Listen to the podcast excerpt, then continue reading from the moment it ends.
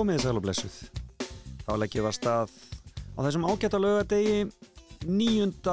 apríl e, í þættunum fram og tilbaka og ég heiti Felix Bergsson. Þessi þáttur er upptekinn, ég er stattur í Amsterdam í þessum töluðum orðum að fylgja Eurovision förunum okkar, sistrónum í e, mikill veislu hér í borg en e, e, þær eru að kynna lægi sitt fyrir Európu og e, tryggja það að að árangurum verði sem bestur í Eurovision keppin í ár. Það beitir því ekki að þátturum verður bara eins með hefðbundnu sniði. Við fáum góðan gest í fimmuna og svo ætlum við að kíkja á það sem gerist á deginum eftir nýju og uh, heyra í öðrum góðum gesti og það er Valur Freyr Einarsson leikari sem ég ætla að ringja í hér eftir nýju en hann er að frumsýna nýja leiksýningu í kvöld. Uh, það er uh, leikrit sem heitir Fyrverandi og, og er verður frumsýnd í borgarleikursunu og þetta verk fjallar um svona sambönd í, já, svona í stóra samhinginu kannski hér á Íslandi. Einmitt þessar pælingu hvort að fyrirverandi fylgimanni alltaf því það er svo margir sem eiga fyrirverandi en eh, við heyrum betur í vali frey hér og eftir um þetta. Og svo er það fimmann eh, ég fæ leikonu þangað og eh, grínista sem hefur vakið heilmikla aðtikli undarfarið með kanari í hópnum. Hún heitir Eigló Hilmarsdóttir og er hapfyrðingur sem býr núna í miðborg Reykjavíkur Eh, og eh, hún ætlar að segja okkur af fimm skiptum sem hún hefur leitað eftir heilbíðisjónustu það verður alltaf gaman að heyra þá fimmu aðeins öðruvísi en venjulega já, það er komið 9. apríl og eh, líður að páskum og vonandi eru páskarnir það seint þetta árið að við losnum við páskarretin en við fundum það nú alveg í vikunni að það er fljótt að það er fljótt að breytast hjá okkur veðrið og þó að þessi farið að lína þá kólnar aftur en svo verður þetta svona fram og tilbaka þangar til við fáum loksins sumarið almenlega en, við, en það er mikill munur á byrtunni það er vist óhætt að segja það en lagdagsins eins og alltaf hjá mér þessa dagana er eitthvað gamalt og gótt úr Eurovision og allt í hennu hugsaði ég að það verður langt sem við hefum heyrt lægi sem að Páll Óskar fóð með Eurovision á sínum tíma. Hann nú talin okkar mesta Eurovision stjárna en það fóð nú samt ekki betur en svo þegar hann fór árið 1997 að e, lægi fekk svo fá atkvæði að við fengum ekki að vera með árið eftir. Þannig var það í þá daga. En þá komum við með látum árið tveimur árið síðar með Selmu og Luck. En rifjum upp minn hinsta dans hérna er Pókstjarnar Íslands sem er nýbúin að halda upp á glæsilega ammæli sitt. Páll Óskar Hjalmsson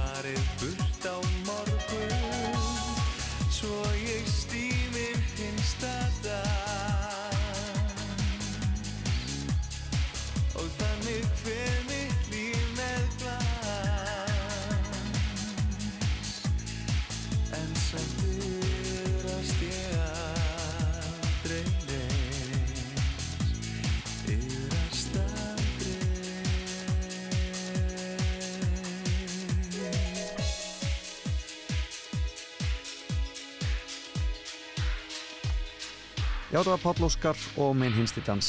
En það fyrir að líða því að Eikló Hilmarsdóttir leikona setjast í hjá mér til þess að e, segja mér af fimmunni sinni. Eikló er náttúrulega frábær leikona sem hefur slegið í gegn með kanar í hópnum og e, Já, hún er með svona mjög skemmtilegt og, og hérna, andlit sem hún get, nýtir mjög skemmtilega í sinni komedíu. En e, e, hún að segja okkar að fimm skipt sem hún hefur leitað eftir heilbríðis þjónustu eða þjónustu heilbríðis starfsfólks. En áður en það er skulum við heyra eitt, eitt lag. Það verður eftir eitt lag. Hér inni er svo notalegt en úti dimmir fljóð. Ég ætti að fara heim áður en kvöld verður að nót. Ekki horfa svona á mig veist, ég stennst þeir auðu þín. Nú er tími komin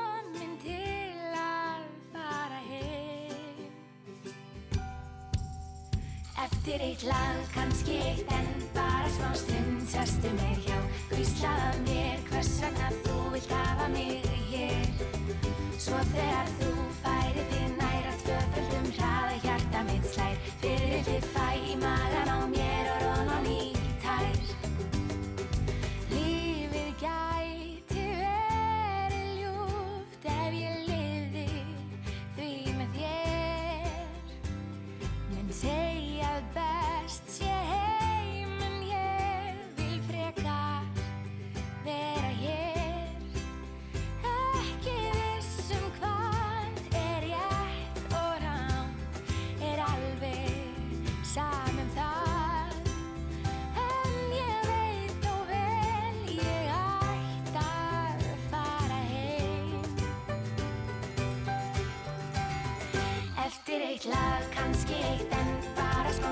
Sestu mér hjá, hvíslaða mér hvers vegna þú vilt hafa mig hér?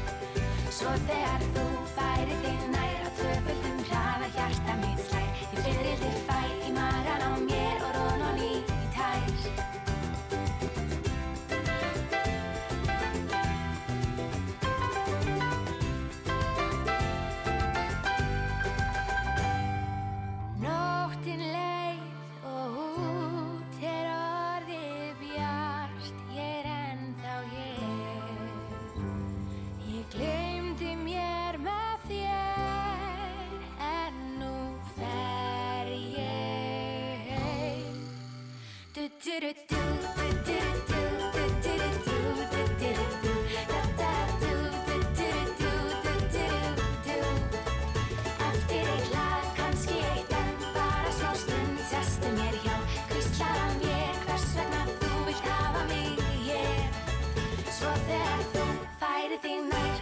tvöföldum hraða hjarta mitt slær. Ég fyrir þig fæ í magan á mér og rón og ný tær.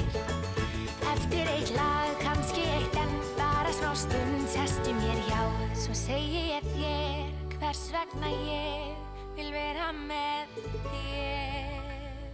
Já, þarna söng Greta Samúðsdóttir lag sem hún söng í söngakeppinu á sínum tíma eh, eftir eitt lag. Og með því bjóðum við eh, gestdagsins velkomin Eigló Hilmarsdóttir, hjartanlega velkomin í fram og tilbaka. Takk fyrir. Eh, ertu morgunmanniska? Já, ég er svona kannski neyðist svolítið til að vera það. Um, og bara út af því að ég, ég er móðir. Um, en reyndar þá er þarna unnusti minn, hann, hann Sigurður alveg, alveg duglegur að leiða mér að, að sofa aðeins lengur, sko. En börnin eru svona nýlega farin að svona koma inn til mín og svona tvoga í Og gera, gera kröfu á Já, bara. Katti. Katti, fari í slappin. Já, það er svolítið. Þú, þú tvípla. já, Það eru tvær eldressar. já, Gíja og Sólei heita. Já, Það eru tveggjara. akkurat, akkurat aldurinn Mm til að draga mömmu fram úr. Já, En það er algengara með leikara, náttúrulega kannski vinnutíma lega, að fólk sé frekar bíi. já, já, ætli það ekki. Ég, já, það er allavega svona, þú veist, ég held að svona góður tími fyrir mig að vakna er, þú veist, svona nýju. Já. Eða já, svona, já, en reynda líkamsklukkan er svona, já, klukkan átta þá kannski, þú veist, vakna ég ef að ég fór nóg snemma svo. Akkurat. Það er svona, það sem hefur verið svona kannski efst á bau hjá þér undarfærið er Kanari eða hvað. Já, Og þið hafið náttúrulega verið með síningun ykkar inn í þjóðlíkuskjallara og Mhm. allt sjónvas efnið. já. En hefur verið að leika annað núna svona, uh, svona nýverið? Sko, hmm, það Þú varst inn í þjóðlíkusi? Já, ég var þarna, þar árin ég uh, var þá létt. Uh, já, þar leik ég í Jónsmessunæti draumi og Shakespeare við ástfangin og já, síðan var ég á létt og uh, bara, já. Og síðan bara fljótlega eftir að ég egnaði spönnin þá byrjuðum við að, að gera kannari. Akkurat. Og það hefur tekið svona yfir svolítið lífið. Já, svolítið. Svolítið að það er bara svolítið búið að vera uh, börnin og kannari og síðan er ég reyndar í mastersnámi Já, í reitlist í hálfkólanum. alveg rétt. Já. Já, það er nú meira en að segja að komast þangað inn. Það er rosalega Já. margir sem sækja og fáir sem komast að. já, það var einmitt En skemmtilegt. núna þegar ég sótt um. Já. Uh, já, en já, það var mikill heiður að- að komast inn í það sko og það er aðeinslega nám. Frábært. Já, fólk lætur mjög vel að því. Já, þetta er bara mjög, mjög skemmtlegt. Skemmtilegt. Ræðum það kannski aðeins betur hérna á Mhm. eftir en e, byrjum á fimmunniðinni. Hún Já. er, hún er, þetta er fyrsta sinn sem ég fæ þessa. Já, Fimm skipti sem ég þurfti að leita aðstóðar heilbriðstarfólks. já, Er það, er það, þetta eru náttúrulega bara svona mjög mikilvæg, mikilvæg augnablík í þínu lífi. uh, já, stóra augnablík, uh, myndi ég segja. Já, Byrjum bara fyrsta. Hvað er, hvenar er það fyrsta sem þú að? Já, hérna, uh, í fyrsta sinn sem að ég einhvern veginn svona þurfti að, svona kannski svolítið mikla heilbreyðis, ok, mikla, Mhm. þannig að ég er svo að tandleiksbrotnaði. Já, Uh, þegar ég var 11 ára, þá svo sagt var ég í fótbolta um, í fríminútum ok. og uh, þarna og á svona malbygguðu malbygguðum velli og, og, og, og mér lendi saman við, við bekkjabróðu minn og, og lendi svona undir honum og, og þá handlegsbrotnaði ég sko og, og þá þurfti ég að fara í aðgerð Já, ég þurfti að, já, það þurfti að svæfa mig eða það þurfti sko að brjóta upp hitt beini eða þú veist, þetta er einna pípunar já, svona, já. já, þannig að ég þurfti að fara í svæfingu og, og, og það var svona svolítið sport náttúrulega á þessum tíma Já, þegar maður er 11 ára. já, og já, ég hekk inn á spítalanum alveg í, þú veist örgulega, var svona 12 tíma og síðan komst ég í aðgerina og fekk okkur kærleisislif og var algjör steik og, og svo man ég nefnilega þegar ég vaknaði eftir aðgerina þá var ég ykkur starf, vissi ekkert hvar ég væri og, og sá að mamma var hana og mér fannst ókslega fyndið að þykast vera dauð. Þannig að ég svona hjælt inn í mér andanum og svona opnaði augun og svona starði svona tómlega. Uh, og mamma sér mig og bara er hvað er, eigló, eigló uh, það, það hafa kærleisu slefin örglega ekki verið. Nei, ekki verið að hjálpa. já. Uh, já, þetta er svona fyrsta stóra svona læknis uh, Aðgerð heimsóknin. sem þurfti að fara í. og stóðstu þá í þessu lengi, varstu lengi í gifsi og er, finnur ennþá fyrir þessu, þessu broti? Nei, nei, reyndar ekki, Nei. en þú veist, þetta var hægri þannig að ég var alltaf með svona, svona aðstofmanneski í skólanum Ok, þarna, til að skrifa fyrir mig. þú kannst ekki bara farið yfir á vinstri. Uh, nei, eða þú veist, nei, ég, þarna, ég er svo mjög dífa að ég, bara, ég ætla að fá þjón. Já. Frábært. En hvar varst í skóla? uh, ég var í Öldutúnskóla í Já. Hafnafyrði. Einmitt. Og hvernig líka þeir að alast upp í Hafnafyrði? Bara mjög vel, sko, það Já. var bara, ég, þarna, já, ég, ég get ekki kvartað, sko. Nei. bjó bara í sama húsinu alltaf á, á Suðugutu Já. uh, bara rétt hjá Gabrarleikusinu og, og þarna Og fyrsta húsinu og sjónum, og, já. já, og stutt í skólan. e, já, lappaði alltaf í skólan og síðan var hamarinn hana hann er hana fyrir ofan þannig að maður var svona svolítið að, að sníklast þar og Já. Og þetta gott samfélag, er það áttu marga vini frá þessum tíma sem að, þú heldur ennþá sambandi við? Sko, ég á svona mínar kjarnavinkunur uh, Sonja og Valgerði sem að voru byggu í saman hverfi og voru með mér í grunnskóla en, en ég svona svolítið sagði skilið við Hafnafjörð eftir grunnskóla. Já, þegar ég fór í hafna, uh, fór í mentaskóla í Reykjavík. Og það var alveg bara svona mjög svona ég var mjög ákveðin í því að fara ekki í skóla í, ekki Flensborg já, fara ekki í Flensborg. Já, þegar mér langaði svona að já, að, að vika sjóndeldarhingin já, akkurat. Og hva, hvaða mennskóla fórstu þá í? ég fór í MR Já, einmitt. og Eldir föðuðinn þangað? uh, Fa, faðin var það ekki? já, jú, jú, jú já, en ég ætlaði samt sko alltaf að fara í Vestló Já, ok. það var draumurinn. Já, ég var svona að hanga með Ah. uh, krökkum úr Vestló þegar ég var í tíundabæk og fannst það ókslega töff og ég var bara ákveðin í að verða nefn og stjarnar og, og Vestló skvísa. Uh, en síðan bara var einhver metað sókn í, í skólan það árið og hann þó ég hafi verið með fínir einhvernir þá komst ég ekki inn til meður og, en ég komst inn sko, og ég sótt ekki svona um í MR uh, en ég komst inn í MS og mér fannst það ekki alveg nógu spennandi. Nei. uh, þannig að ég bara hérna einhvern tíman uh, ég var að vinna í úlingavinninni og var svona nýkum með þessar fréttir og var ekki nógu ánað með að vera að fara í MS þannig að ég í hátæðisliði þá, þá fór ég heim og ég ringdi í uh, MR já, og bara baðum að fá að tala við rektorinn. Og eins og maður gerir. Já, eins og maður gerir uh, svona á þessum aldri. Og já, og ég bara þarna spjallaði eins við hann og, og, og sagði hann um að ég var æði Já, og baði hann um að hleypa mér inn í MR Já. Og þú veist, ég var alveg með fínar einhvernir og var svona nefndaráðs gæla og, og ungmennaráð samfés og eitthvað, þú veist þannig að já, þannig að hann bara gekk mér inn sko. Var þetta Guðni á þeim tíma eða hvað? Nei, þetta var Yngvi Já, yngveð og komin að. mm Einmitt. Já, Já, ég segi pappiðin var hann Hilmar Jónsson, leikari og leikstjóri, en eh, mamma þín Sólei Eliasdóttir, var, hvar var hún í mennskóla? Sko hún fór í Flensborg en síðan hann uh, beilaði hún og fór og eldi leiklistadraumin til London. Akkurat, og tók aldrei stúdinsprófið. Nei, akkurat.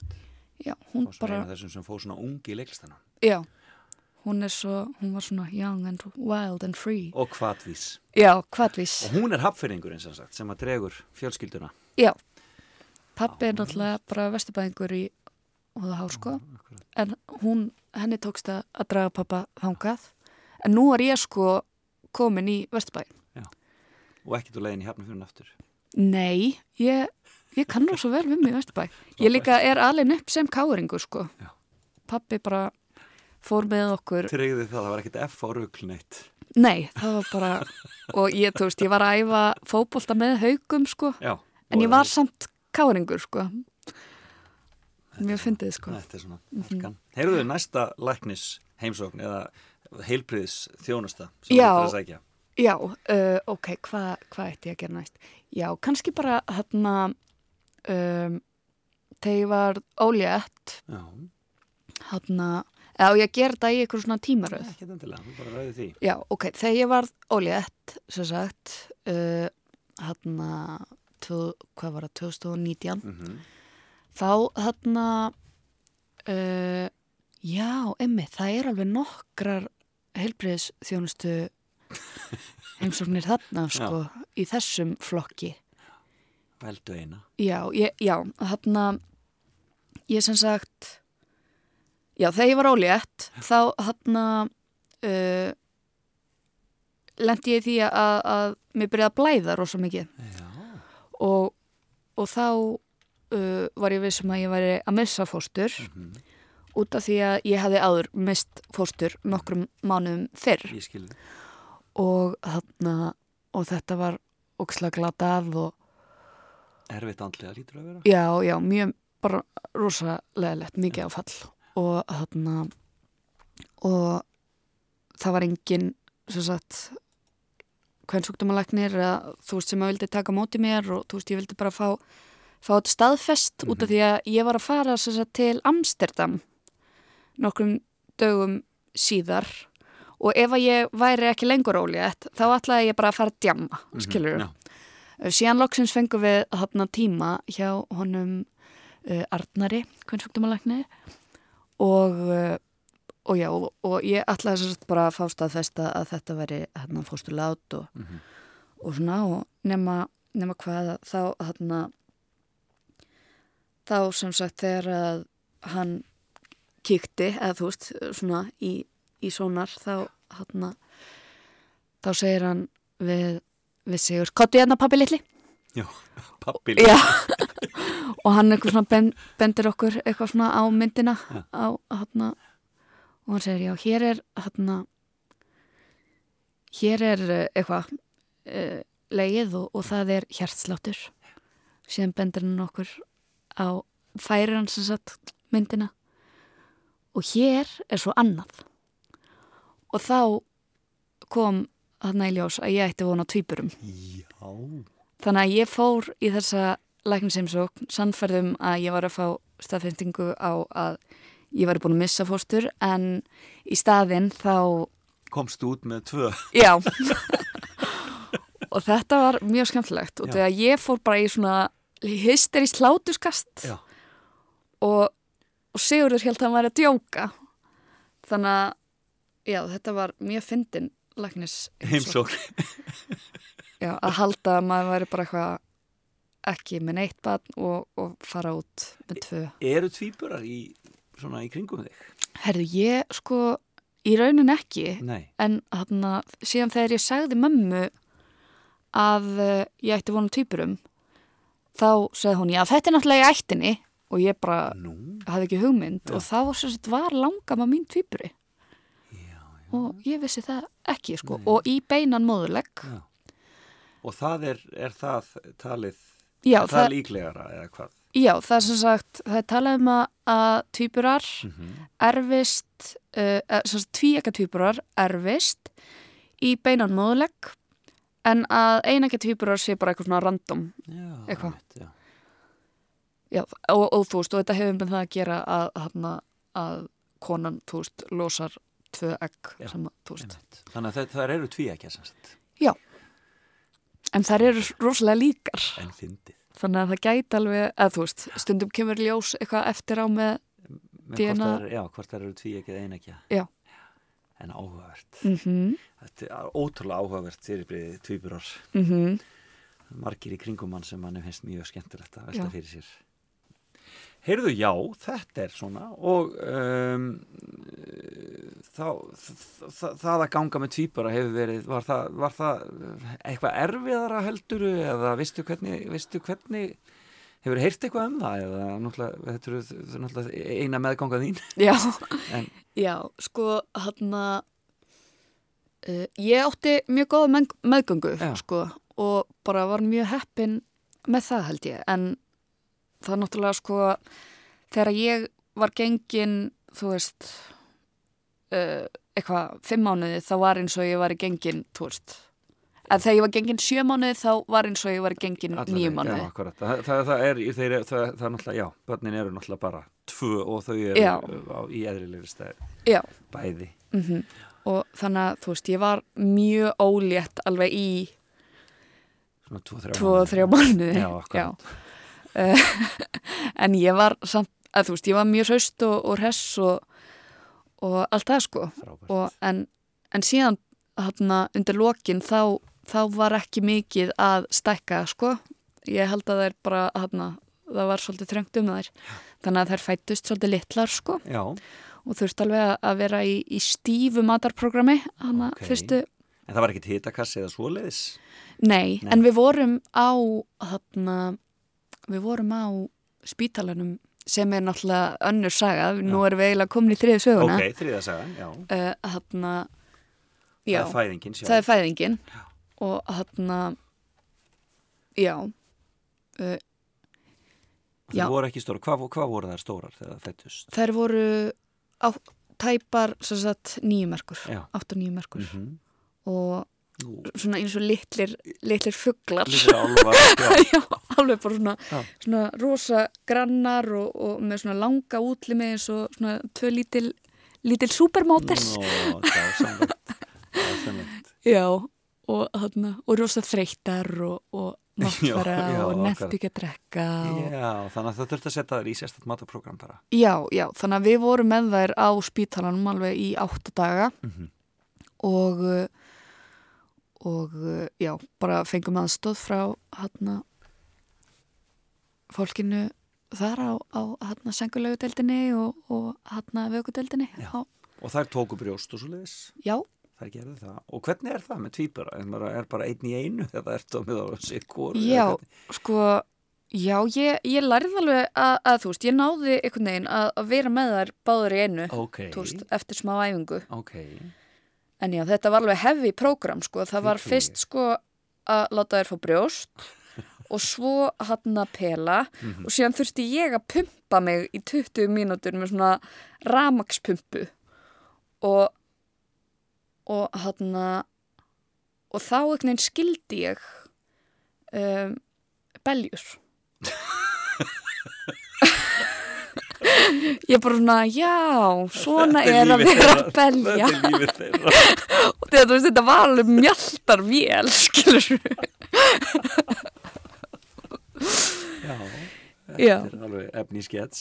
já, algjörlega sko En þarna, og, en, og, og, þá að, að er fengið þá alltaf móðumjólk í rauninni líka í þessari auka gjöf.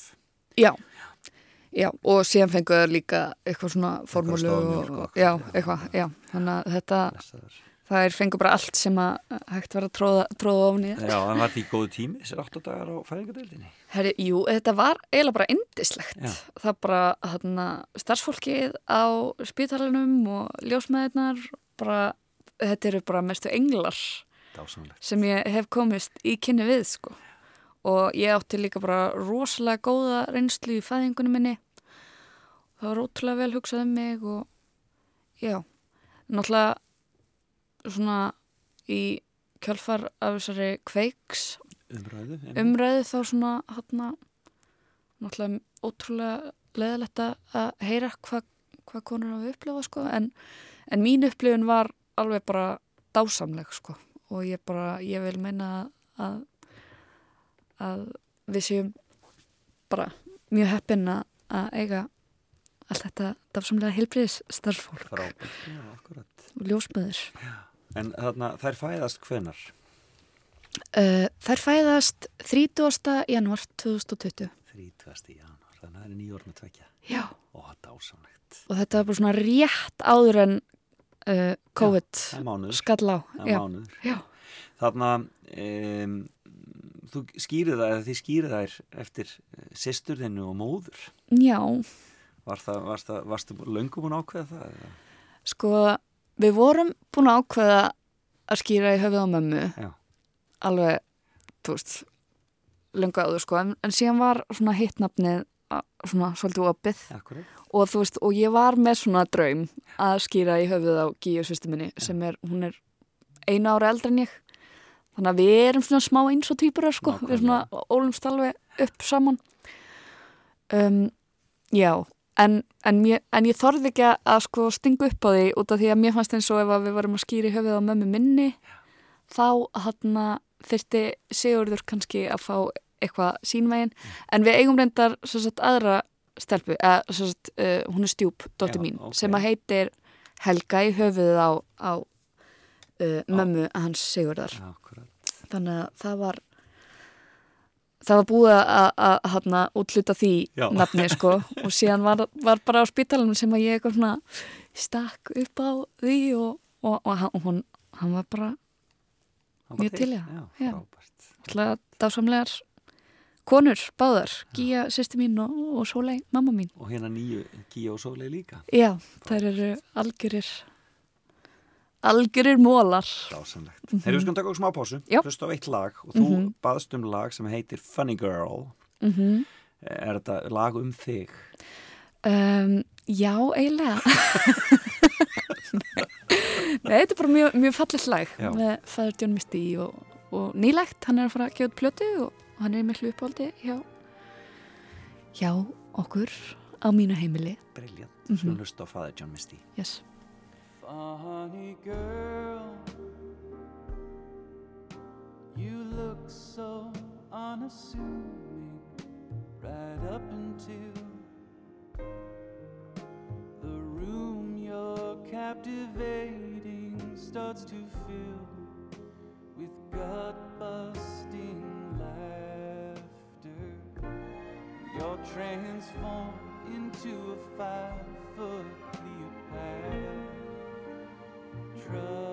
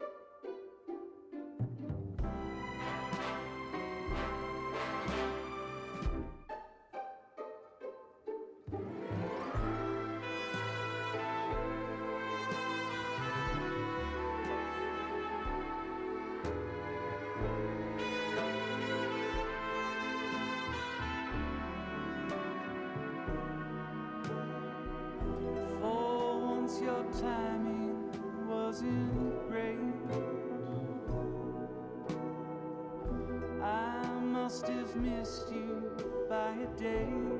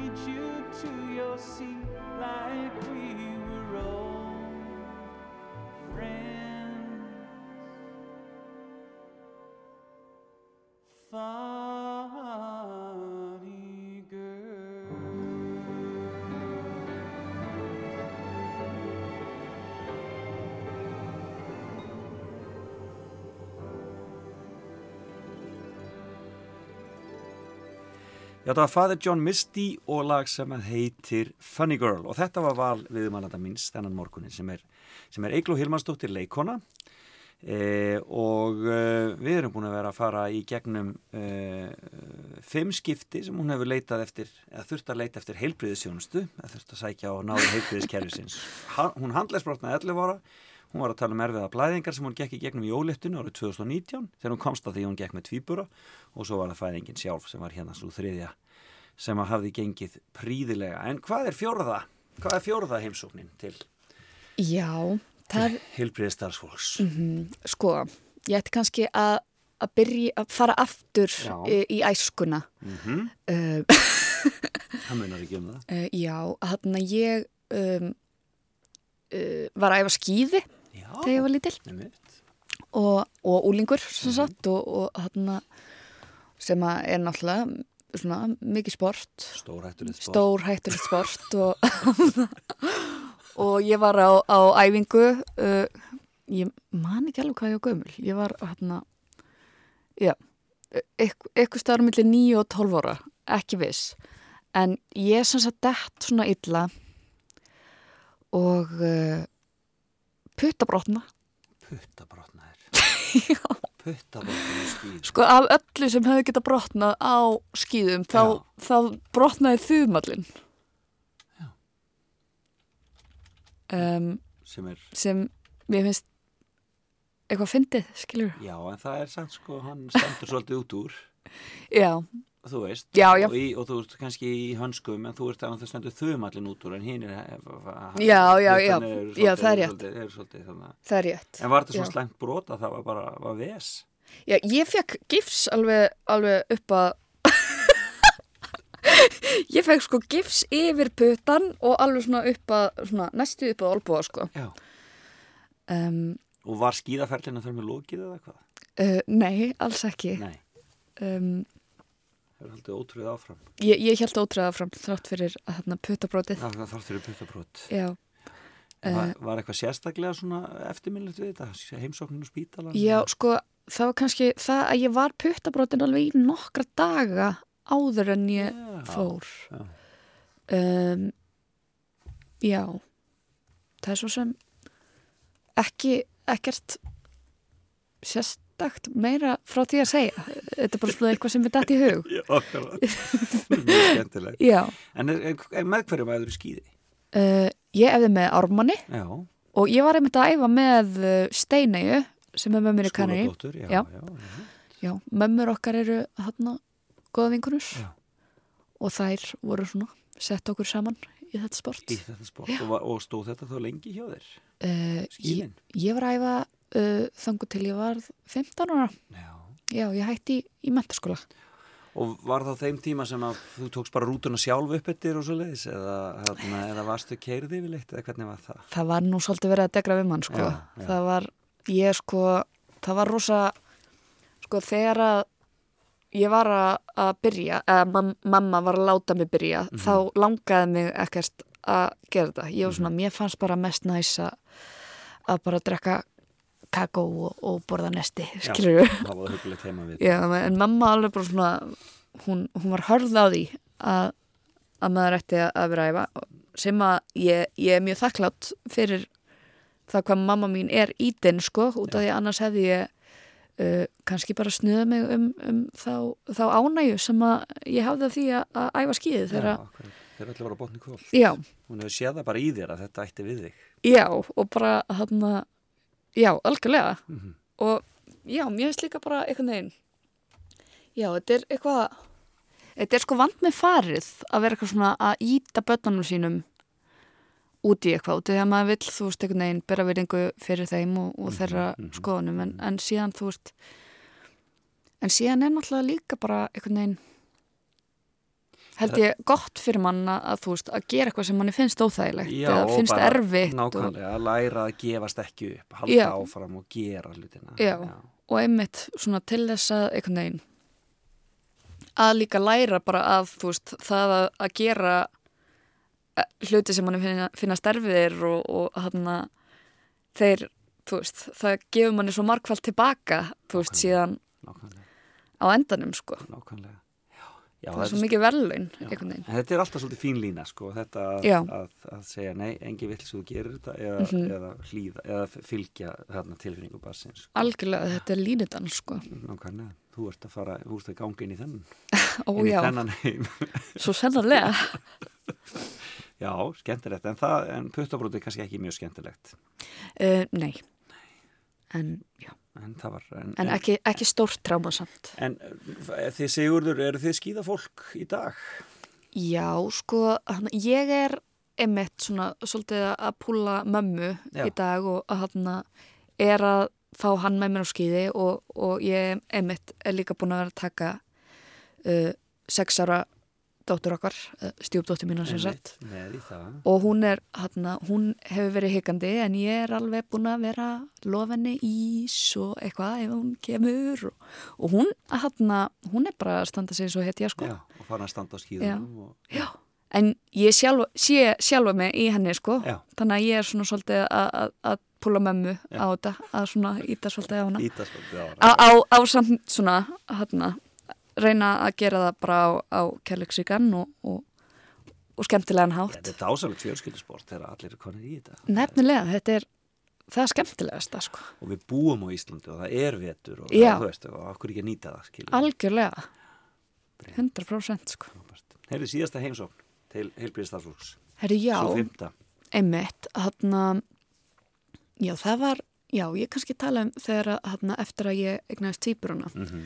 og þá var ég að byrja að vinna hérna á Rúfa að skrifa Kanari. Mhm. og það var alveg bara svona algjört drauma gig sko, búin að dreyma um það að skrifa mína eigin grínþætti fyrir sjónvar bara frá að ég var sko í mentaskóla og var þannig að þetta var alveg mega draumur og mér var búið að ganga rosa vel uh, með týpurana og, og það, það var bara allt í lífi mínu var geggjað en mér leið samt ro- rosa illa. Já. Ég var bara svona, það var einhvern veginn mér leið ekki vel og hann og ég var bara eitthvað, já, býtu þú veist það, hann það er alltaf lægi, ég er í draumavinni þú veist það er bara hann geggjað heima og ég er ástunginn og ég á geggjabötn og bara, þú veist. Og ég er bara eitthvað, já, ég þarf bara að hreyfa mig og byrja að hjóla alla daga í hann í vinnuna Já. og hann alveg hérna upp Allar brekkur. upp allar brekkur og bara mætti alltaf ógeðslega sveitt hingaði upp á rúf og var bara bara nú mun mér líða vel skilur og, og síðan bara leið mér ekki vel. Þannig að ég hann ég fór og, og hitti sálfrængi minn eða þerapisti minn eh, sem heitir Valdís. Og sagði henni hvað hva var að gerast og ég bara einhvern veginn og, og hún hann sagði mér að, að hún held að þetta væri efnafræðilegt. Að, að það væri einhvern veginn að þú veist með að við einhvern veginn hvernig allt var í lífið mínu það bara gekk allt vel og, og, og einhvern veginn allt þú veist það var ekkert sem að vara að bögga mig svona þú veist í já þannig að hún, hún laði til að þetta gæti verið efnafræðilegt. Svo ég fór til heimilisleiknis og, og segði henni frá þessu og, og, hana, og þar fekk ég upp á skrift upp á kvíðalif kvíð og þunglítslif Kvíð og þunglítslif, já. Já. Og er þá, er, var þetta greint þá sem fæðingaþunglíti eða eitthvað slíkt? Eða? Nei, er nefnilega, þú veist, þetta hefur alveg svona fyllt mér Já, bara frá því í metaskóla, sko og hann og, og, og þetta bara hjálpaði þér þá, þessi lif, þessi lif bara, já, bara með góður það bara bara allt annað líf. Já.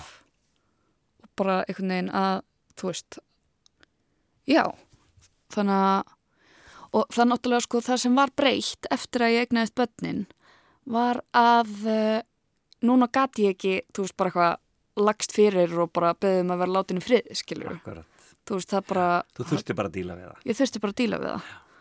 Og þarna og já, þannig að þú veist bara að byrja á, að þú veist, ég er á bara svona vægum vægum kvíða og þunglitslifjum og, og það bara svona lifti mér aðeins upp og, og það bara einhvern veginn Og það bara dugar. já og já, það er bara æði Mhm. og ég bara þarna bara mæli með ef að fólk er að díla við Já, eitthvað svona, eitthvað debur eða kvíða og þunglindi og þetta er svona, þetta er svona ástíðarbundið svolítið á mér, þú veist að þetta er bara svolítið myrkrið, bara haustu kemur og myrkrið og og, þú færð svolítið með því niður. Já, já, Og, og þetta er náttúrulega held ég bara svolítið landlegt, Auðvitað. þú veist og, og þarna og já, og náttúrulega bara við, þú veist, búum á þessum ókslega skrýtna stað þar sem að, þú veist, það er bara dimmt marga mánuð og síðan er bara bjart, skilju, þetta er svona þetta er rosa bipolar. Mjög. og þú veist, og bara við erum nokkur hérna, sem þurfum kannski smá hjálp og smá serotonin boost og ég held að sé bara bara flott. Að geta bara sótt sér þá aðstof. já, Því að það er svolítið tala niður, að tala, tala illa um þetta við séum heimsmeistar í notkun og þessum Já, lifjum og eitthvað já. svona skilur. En í rauninni gleymist þá að það er bara margir sem er að fá gríðilega mikla hjálp mm á þennan máta. Þannig að þú segir rauninni bara sækja sér aðstofðina, fara og segja frá og tala um það og Já. fá aðstofðina. en auðvitað skilur ef að emitt en auðvitað var maður, þú veist, líka bara að vinna í, í sínum, sínum áföllum og, og þarna og því sem að, þú veist, er einhvern veginn eðlilega kannski að, að bögga mann skilur en eins og í mínu tilfelli, það var einhvern veginn ekkert, ég var bara einhvern veginn og er búin að vera að vinna lengi með, þú veist, terapista skilur og, og vinna í mínum áföllum og, og minni þú veist, Já, einmitt. þannig að, já, þannig að þú veist og þetta var svona svolítið síðasta víið bara, skilur þannig að já, ég segi bara definitely sko. Allavega mín lífskeiði hafa, Stóra aukist, hafa stór aukist mæli með þessu. Mm Frábært. Eh, Hvað tekur við það? Þú ert áfram í reitlistin er ekki heilmikil, heilmikil vinna að vera í reitlist í háskólanum? Jú, það er það sko og hann, já, ég er að ég er að klippa heimildamynd ég er í, í heimildamynda uh, áfunga þar og uh, já, og, Og um fleiri hvað er svo heimildami? Herðu, hún er um hann uh, Tenerife ferðina sem ég fór í uh, Já, ég fór svo sett í hann um, Tenerife ferð. Te- Tenerife ferð hann með vinkunum mínum sem sagt, eftir að hafa verið náttúrulega hann uh, frelsi skert og innilokuð í COVID og, og sem einmitt. týpurmóður í, í tvö ár þannig að já, ég gerði heimildamynd um, um það, Um þá ferð. Um þá ferð Mun hún fara á kvipndáttir erlendis þessi heimildamind?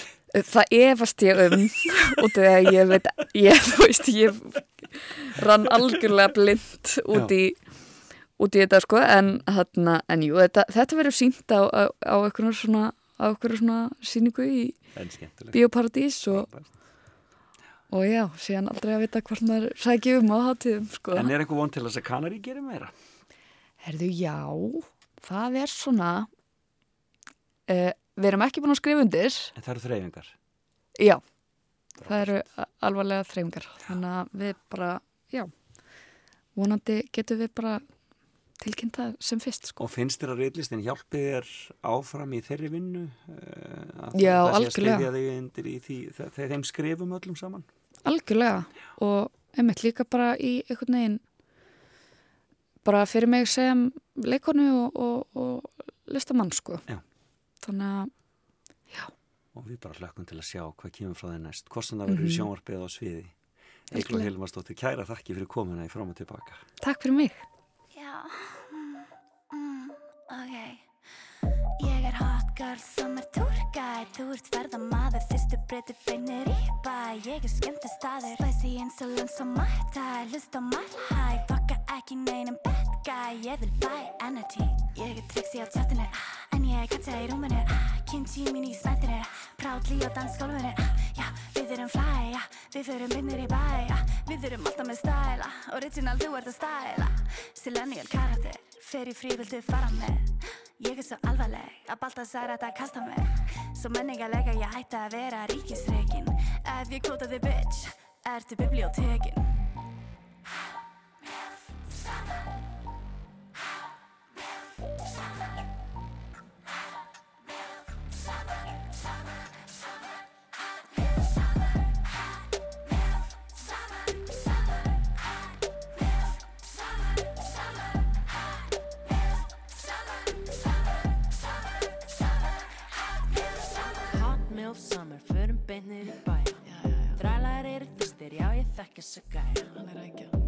Vissi að hann myndi bjóða mér drikk Pissa á mig ef hann lætur mig hlæja.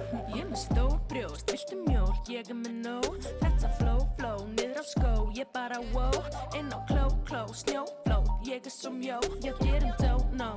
Hún er milf, hún er hó. I set the bar high for the mills out there. I'm your ex-stepmom, just divorced your dad his ass on red, he eats my ass like bread. You best believe he's fed. You call it arrogance, I call it confidence. Baby, you stole a glance, I stole your inheritance. He got a D bigger than me. On my OnlyFans You're in the south of me, I'm in the south of France.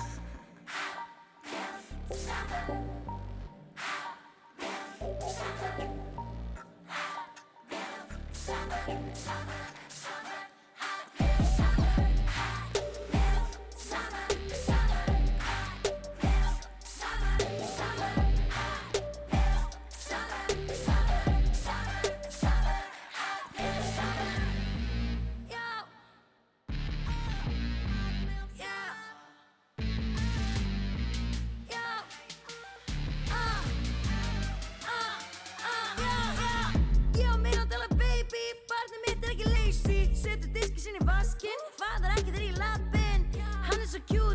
er cute, bitch hann er minn svo hann lítur vel út.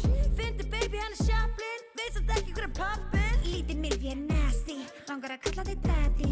Langar að senda þig mynd á liðinni heim. Býst þetta ready. We get it on the cabby Ég hef með allt þetta fat. Milf shit lip Með mér á Mavi. Mér er heitt, þó það sé kallt Á. Þér ger ekki neitt Semleg stíl í húti Fætti barnum minni mánudag Komin heim fyrir sólarlag. Get ekki sett upp og má ekki bað. Ætla samt að púla Langar niður í bæ að dansa, finna bassa. Margir reyði þegar ég segja pappa passa. Lífið núna, sofa, kúka, drekka, rópa Ekki spyrir mig frétta, brjósta þóka Er alltaf þetta bíf keto eða? Lappa niður lauga við, ey Ég er svo drustileg, þeir fíla bossy bitches Og hot milf sem segir alltaf nei. Þú ert ekki típan sem að ég fer með heim. Því my baby daddy, he just put a ring on my name. Svo hot Hot,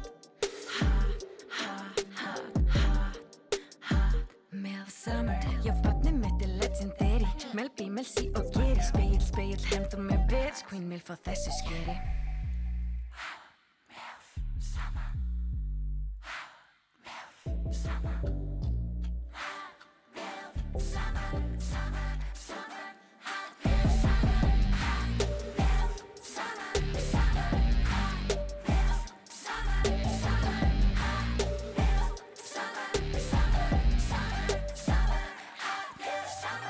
Beint úr efstaleitinu í Reykjavík.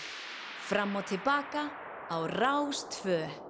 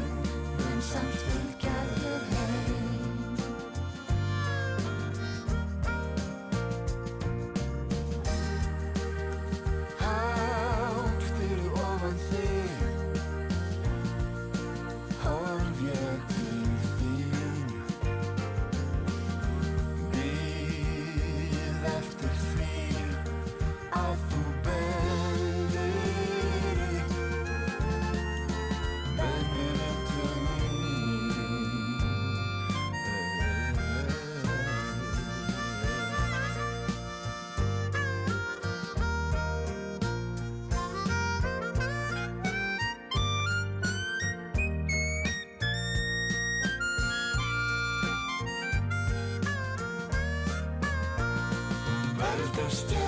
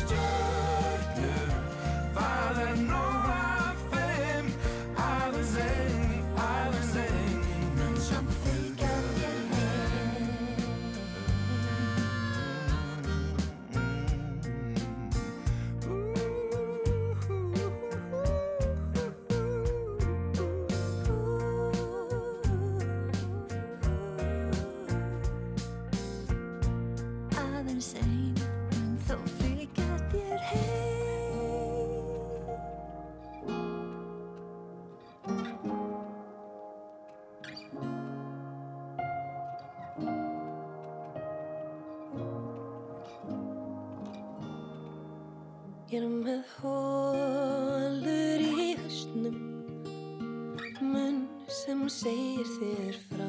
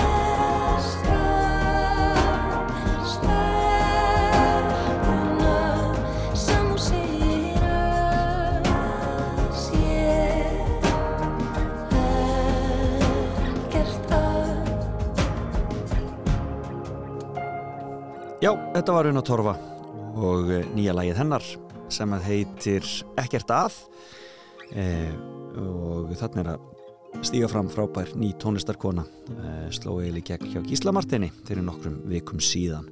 Og lagið komið í mikla spilun hjá okkur á Rástvö Þeir að hlusta fram og tilbaka, ég heiti Felix Bergson eh, er að tala til ykkar á þessum lögutasmotni á upptöku því að ég er stættur í Amstedam en eh, nýt þess að vera með ykkur eins og alltaf hér á laugardögum á Rást 2 og hér eftir smá stund ætla ég að ringja í hann Valfrey Einarsson eh, leikhúsmann, leikara og leikstjóra en það er verið að frumsynni kvöld nýtt verk eftir hann sem heitir Fyrverandi og við viljum að heyra hvernig það verk kom til Hjánu Valfrey sem er nú aldrei setna fremstu leikúsmennum þjóðarinnar og síningarnar hans hafa aldrei slegið í gegn unnið grímur og ég veit ekki hvað og hvað. Og svo síðar í þessum uh, klukkutíma ætla ég að tjekka þess að því sem gerast á deginum. Og það var með alls annars dramatískir atbyrður í Danmörku á þessum degi árið 1940 uh, ekki gleðilegir en uh, gerðist nú samt og við förum í gegnum það hér á eftir.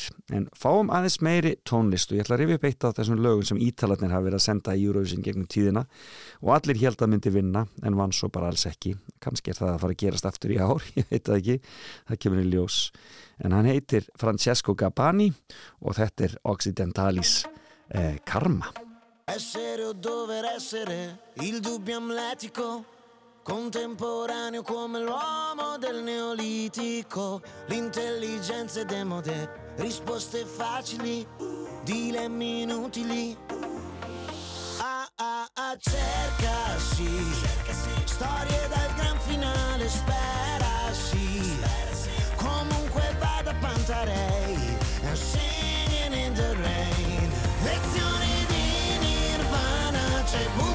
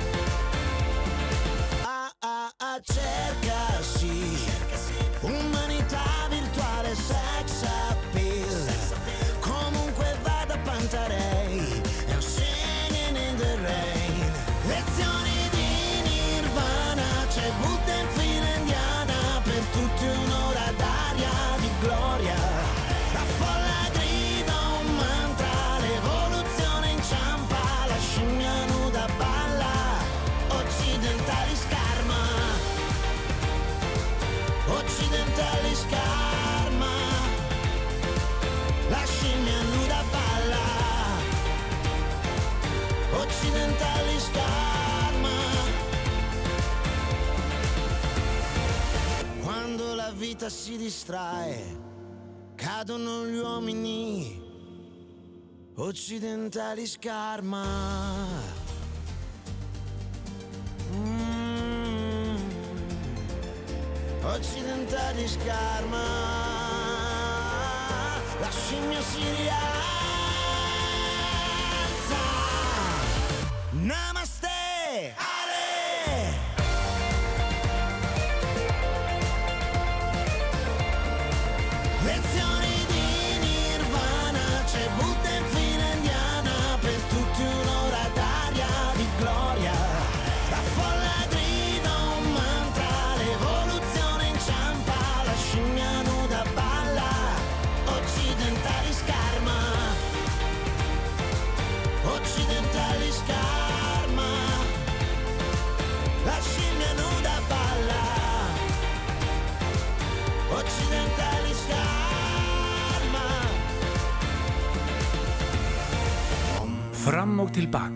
Ljúfur laugadagsmorgun á Rás 2.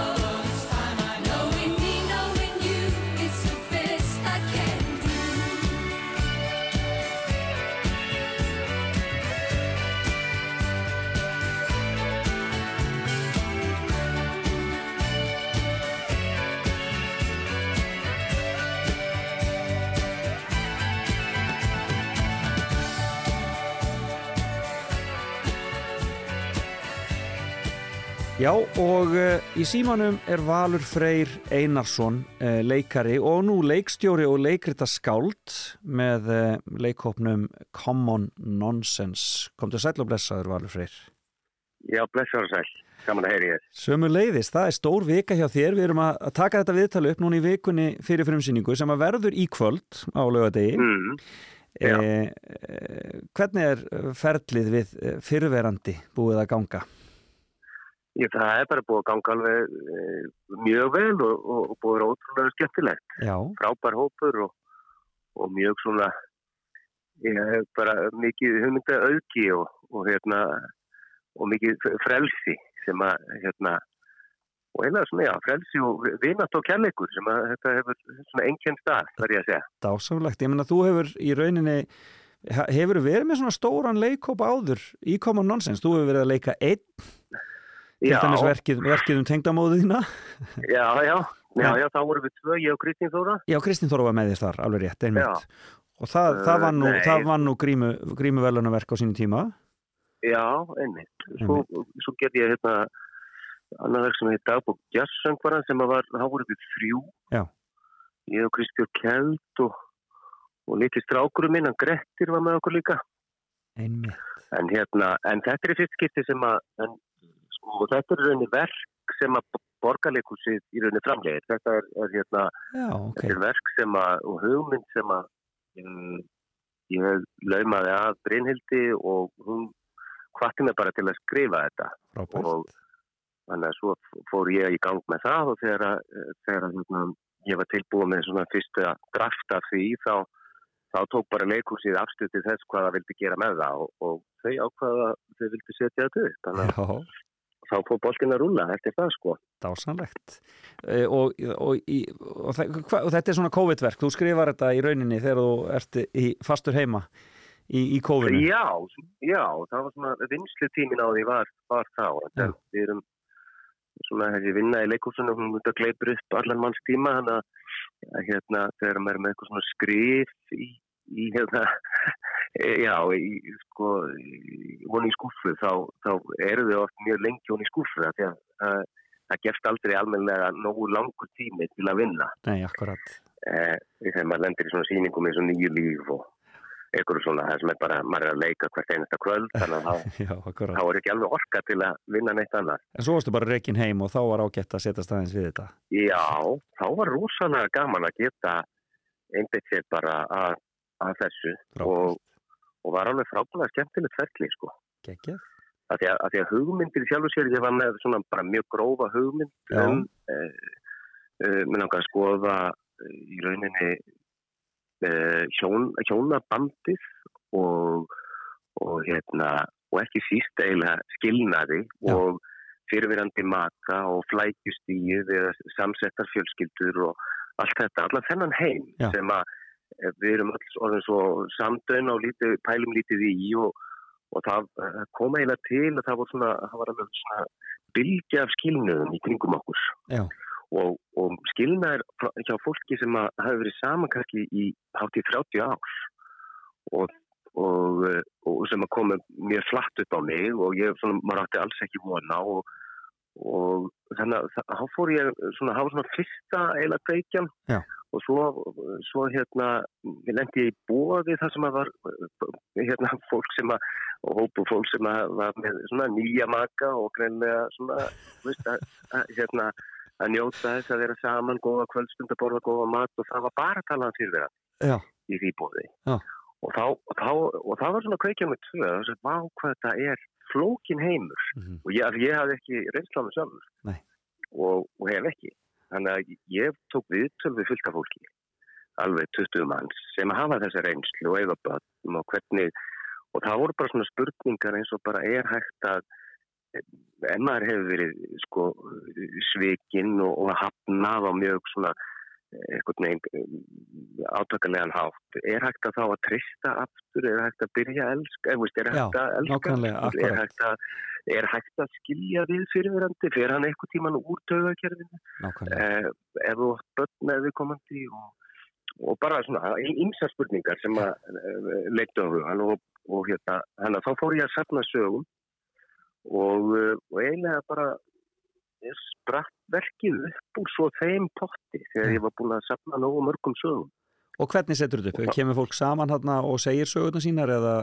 Nei, hvernig... þetta er bara verk, þetta er bara leikverk sko. Já. Þetta er eiginlega kvöldstund með þessu fólki sem að heitist þarna í, í drúlónaveistlu svo kallaðari og, og en hún fer aðeins öðruvísi Já, en, en, en til var, var ætlast. En er þetta komedía hjá þér eða hvernig, hvað myndur þú segja? Þetta er svona, já, þetta er svona grátbróslegt, já, það er eiginlega mjög, sko þetta er, já, verk sem að við held ég fólk geti bara mjög öðvöldlega að speikla sig í og þessar sögur, ég speiklaði henni öllum þessum sögum, Já. að þetta í rauninni snýst svo mikið þó maður hafi ekki skilið sjálfur, þá þá hefur þetta, fjallar þetta í rauninni alltaf svo mikið um samskipti Já. og hálfsagðan sannleika Já. og uh, reyna lígi og, og hvað við veljum að segja og hvað við segjum ekki, hvað við veljum að segja og uh, þannig að það er hérna þetta er mjög mikið um, um samskipti fólks í samböndum.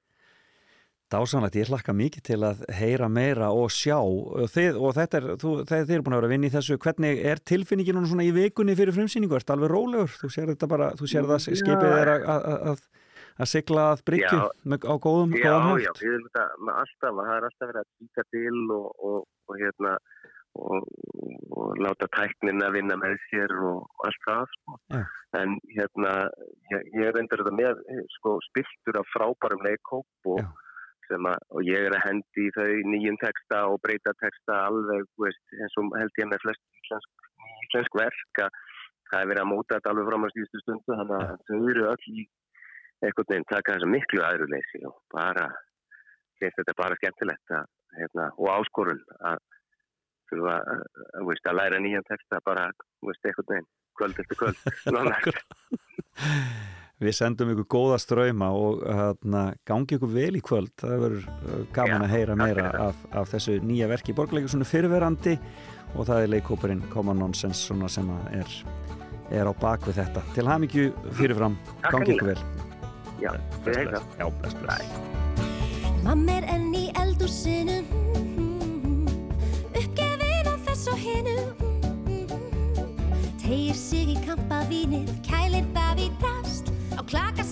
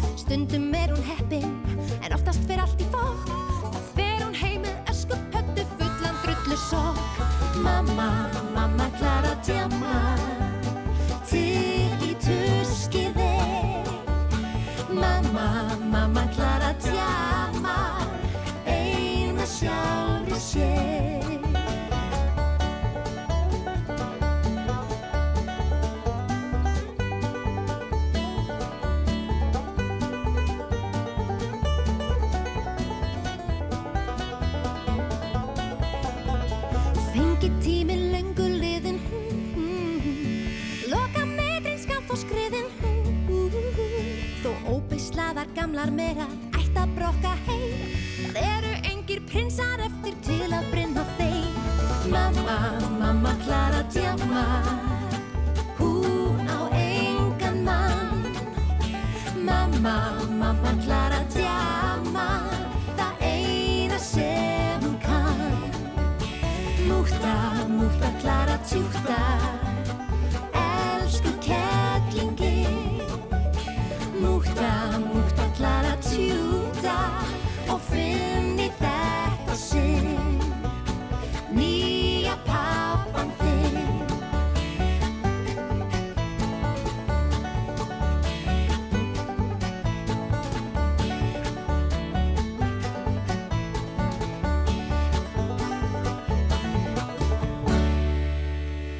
Já, Mamma þarf að tjama sungu, sungu Jóhanna Guðrún og Bakka Lútur og e, það tók við af þessu viðtali viðan e, eh, Valfrey Einarsson. Og um, við bara óskum þeim allsins besta í kvöld. Að frábær leikópur í þessari síningu Þórun Arna Kristjánsdóttir er þarna Haldur Gilvason, Jörundur Ragnarsson Katla Margrit, Þorgersdóttir Vala Kristín Eiriksdóttir Þorsteit Bakman og Árni Þór Lárusson hver kanónan þarna upp af annari þannig að það verður gaman að sjá hvernig þetta, þessu verki verður tekið í borgarleikhúsinu. Eh, en eh, hér eftir smástund þá ætla ég að kíkja á það sem gerist á deginum. Ef við ekki að fá aðeins meira músik og við erum, hef, ég hef svolítið verið að spila lögin úr söngvakefninni eh, en það príðileg músik þar á ferðinni, við skulum heyra í þeim e, sistkinum e, Má og Ísolt og e, fína lægið hans Más sem heitir Don't You Know.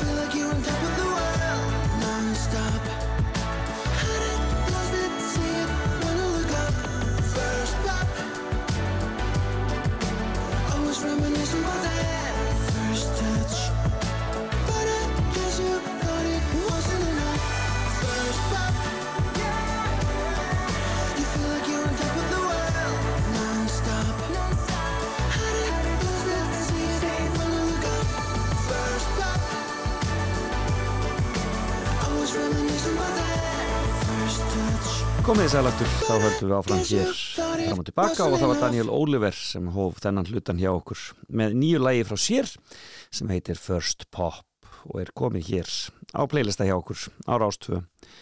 E, príðilegu tónlistamöður Daniel Oliver og hann er líka rekka veitingaþjónustu í Víki Mýrdal þannig að þið kannski stoppið við hjá hann og tjekkið á hann ef þið eruð á ferðinni. Til að hafa mikið með nýja lægið eh, en eh, hér eftir smástund ætlum ég að tjekka því sem gerist á deginum en við höldum líka bara áfram með tónlistina á þessum ljúfa eh, lögatarsmotni 9. april í dag fyrir ekkar kallt á landin okkar bláa en það er nú eh, við því að búast á þessum tíma árs fáum eitt gamalt og gott frá öðrum pop uh, hetjum þetta eru Totmobil og eh, gamla góða í tígulega dal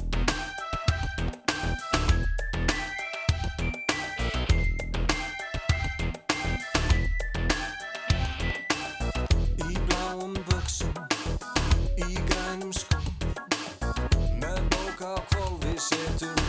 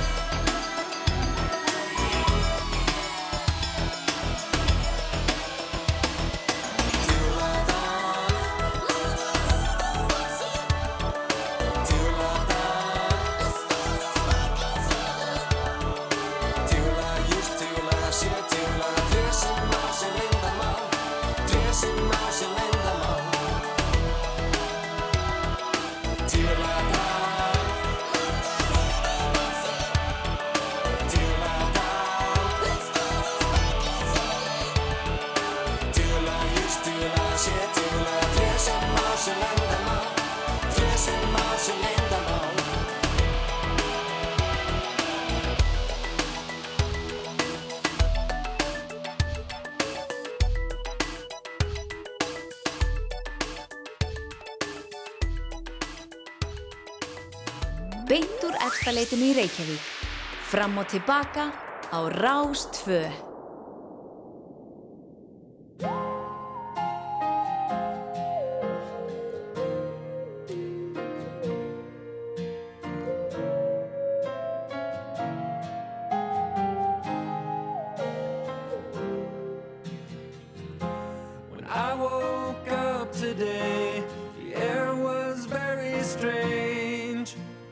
couldn't feel my skin, and there was evil in my bones.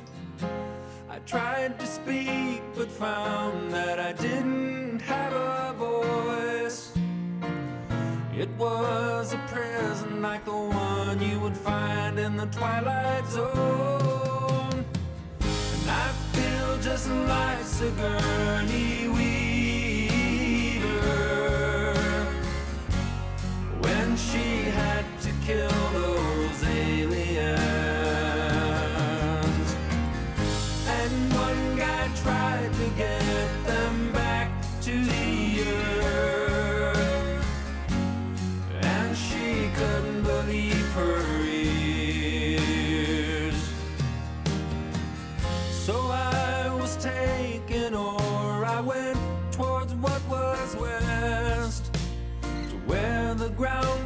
And struck out at the giant sky.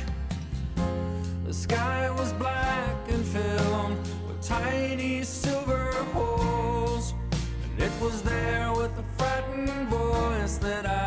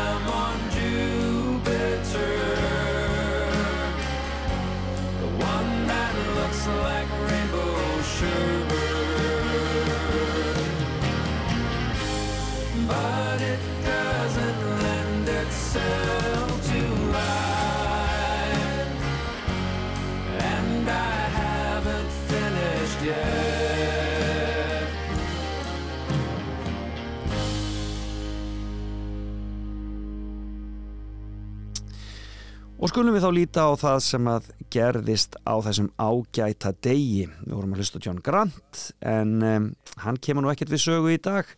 Þetta er 9. april sem er 99. dagur ársinskorki meirin í minna og væri 100. dagurinn ef það væri hlaupárin. Það er nú ekki þannig núna. En uh, það er ímislegt sem hefur gerst á þessum degi. Það er óhægt að segja það. Árið 1483 var því átvarður 50 konungur Englands 12 ára aldri en var komið fyrir í Lundunaturni á samt bróðu sínum Ríkarði Hertoga York og þar var þeim ráðinn bani. Það var alltaf hættulegt að vera konungborin á þeim tíma, það er óhætt að segja það. 1596 Spánverjar Hertogu Kalai, þetta vissi ég ekki. Og 1870 á þessum degim Deutsche Bank hóf rekstur í Berlín. 1870. Það hefur nú daldið gustað um Deutsche Bank undarfarið en það hafa þeir staðið í ýmsum skrýtnum dílingum. Það er uh, græðkin, hún segir ekki. Já, það er, það er ótrúlegt hvað getur gerst. E, 1894 James Craig kefti geysi fyrir 3000 krónur af bændum í Haugadal. Það er einhver mikil saga sem að, uh, ég kann ekki að segja en þetta er stórmerkilegt. 1894 gerist þetta. E, Þingarar kirkja var vígð á þessum degi árið 1911 og svo var það þetta með Danina og þjóðverjina sem ég sagði ykkur frá. E, en þjóðverjar hernámi Danmörku á þessum degi árið 1940 og gerðu á sama degi innrás í Noreg. Og Vidkun Kvistling lísti því að vera ríkistjórn Noregs eða í flúið og hann tæki sjálfur við sem fórsettir á þeirra Kvistling og e, þaðan er komið orðið að vera sveikarrappur eða kvistlingur en e, Danir e, hafa minnst þessa dags og þeir gerðu með sér kvikmynd árið 2015 e, með þeim Pílo Esbæk og Lars Mikkelsen í aðaluturkum sem heitir 9. apríl og fjallar um þessa innrás þjóðverja í Danmörku árið 1940 Eh, 1942, tveir Íslendingar og 22 norðmenn fórust með norska skipinu Fanefeld á leið frá Bíldudal til Ísafjörðar. Ræðilegt, þetta hefur verið í stríðinu, hvort að þetta var, já hvort að þetta var bara eh, vegna veðurs eða hvort að þetta var, eh, hvort að eh, þetta tengdist eitthvað stríðinu, ég bara veit það ekki, það kemur ekki fram hér í þessari, í þessari eh, frétt hér. Eh, 63, mikið norðanrók og hörkufrost skalla á þennan dag. 16 sjómenn fórust þennan dag og hinn næsta. Hugsið ykkur. Þetta var, þetta var 1963 hræðilegt. 1967 fyrsta Boeing 737 flugvelin flög Jónfrúflög sitt. Og 76 síðasta kveikmund Alfred Hitchcock fjölskyldu gáta kom út í bandaríkjunum. Árið 1981 á þessum degi hófst eldgós í Heklu. Það stóð stutt og er venjulega talið sem framhald gossins sem varð árið áður eða 1980 og ég held að menn sé svolítið að býða eftir heklugósi núna það sé hún sé alltaf að þennja sig eitthvað og fólk er ekki ráðlegt að ganga á hana. Um, e, 1989 20 almennir borgarar létust í Tbilisi í Georgíu þegar rauði herin barði niður mótmæli. Já þeir halda því áfram. Blessaði rúsarnir að berja niður mótmæli hvar sem þeir geta óþólandi 1989 uh, landamærastríð hófst á milli Máritáníu og Senegal vegna deilna um beitaréttindi uff, glatað. En 1991 þá lísti Georgia yfir sjálfstæði frá Sovjetríkjana og uh, enn og samt ennþá undir hælnum svolítið. Uh, Manuel Nor Noriega fyrir um einræðisar í Panama var dæmdur árið 1992 á þessum degi. Og uh, Elisabeth drottningamóðir, hún var borin til gravar á þessum degi árið 2002 og árið 2003 náði bandaríkja herr Bagdad á sitt vald í hennu ömurlega Íraksstríði. Og að lokum svo það sé nú bara hér sagt Þjóðaratkvæðgreisla fór fram um æsseif samkómulega ríkistjórnarum við brett og hollendinga og var því hafnað með 59,7% atkvæða á móti 40,1% Þetta var árið 2011 og uh, þar með látum við því lokið. Jú það er nokkur ammari spörn.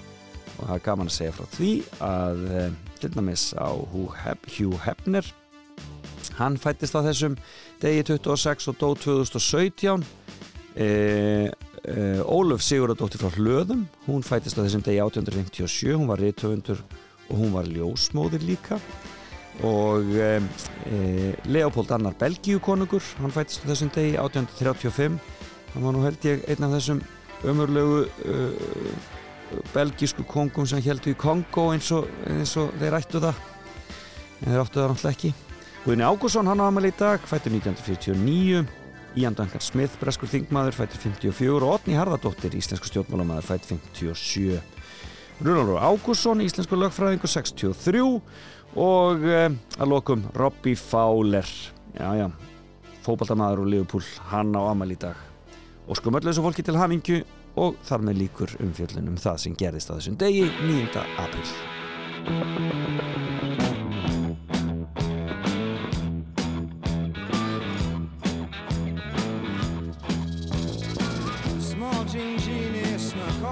city, strung out slashback blazers, and ate all your razors while pulling the waiters, talking about Monroe and walking on Snow White. New York's a go-go and everything tastes nice. Poor little greenie. Ooh. Get back on it.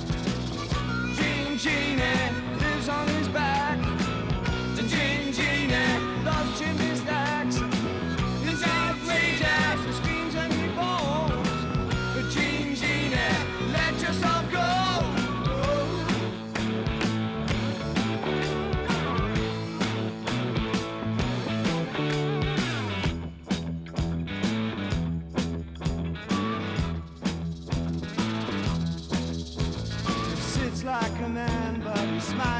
a reptile. She love him, she love him, but just for a short while. She'll scratch in the sand, won't let go his hand. He says he's a beautician, sells you nutrition, keeps all your dead hair for making up underwear.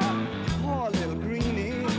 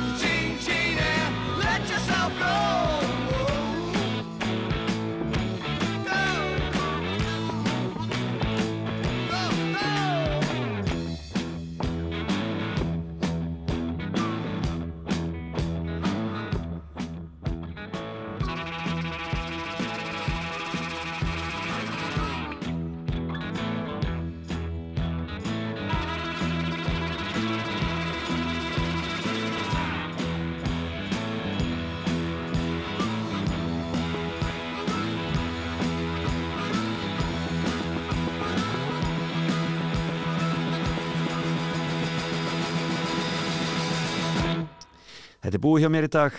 Kæra þakkir fyrir að sitja með mér í þættinu fram og tilbaka eins og svo ofta áður. Ég verði hér að sjálfsögðu aftur eftir viku og þá verð ég með lengri þátt að vera þryggja tíma þáttur í telumuna páskum og hann ætla ég að senda ykkur frá Berlín og vera með skemmtilega viðmælendur þar. En takk fyrir, spjall, takk fyrir samverðan í dag.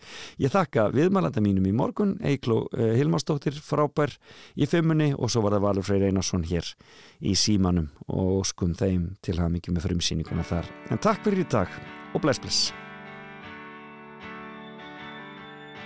Sitja þau saman í ró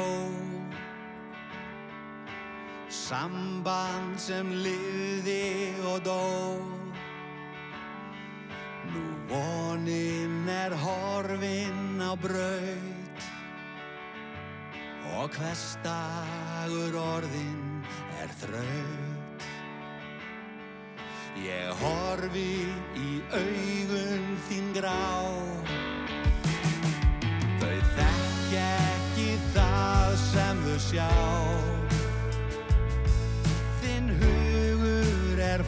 flógin á braut. Og árin í aldanna skaut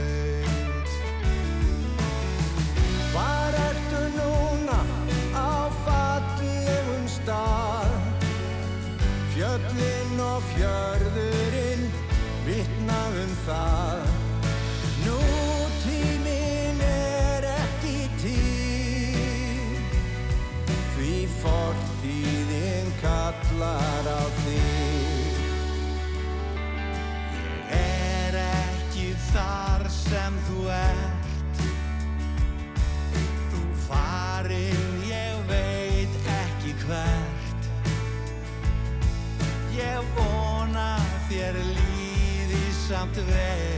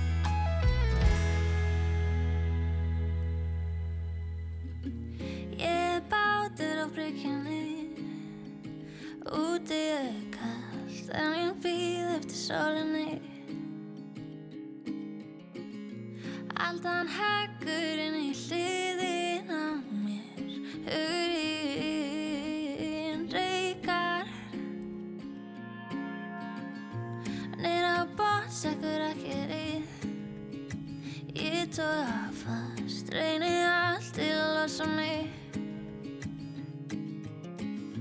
Seglum þöndum þegar vindurinn blæs Við búinn í fluttak Og ég flýga eins og flutræki Hátt upp til himins Síðan skiptum liti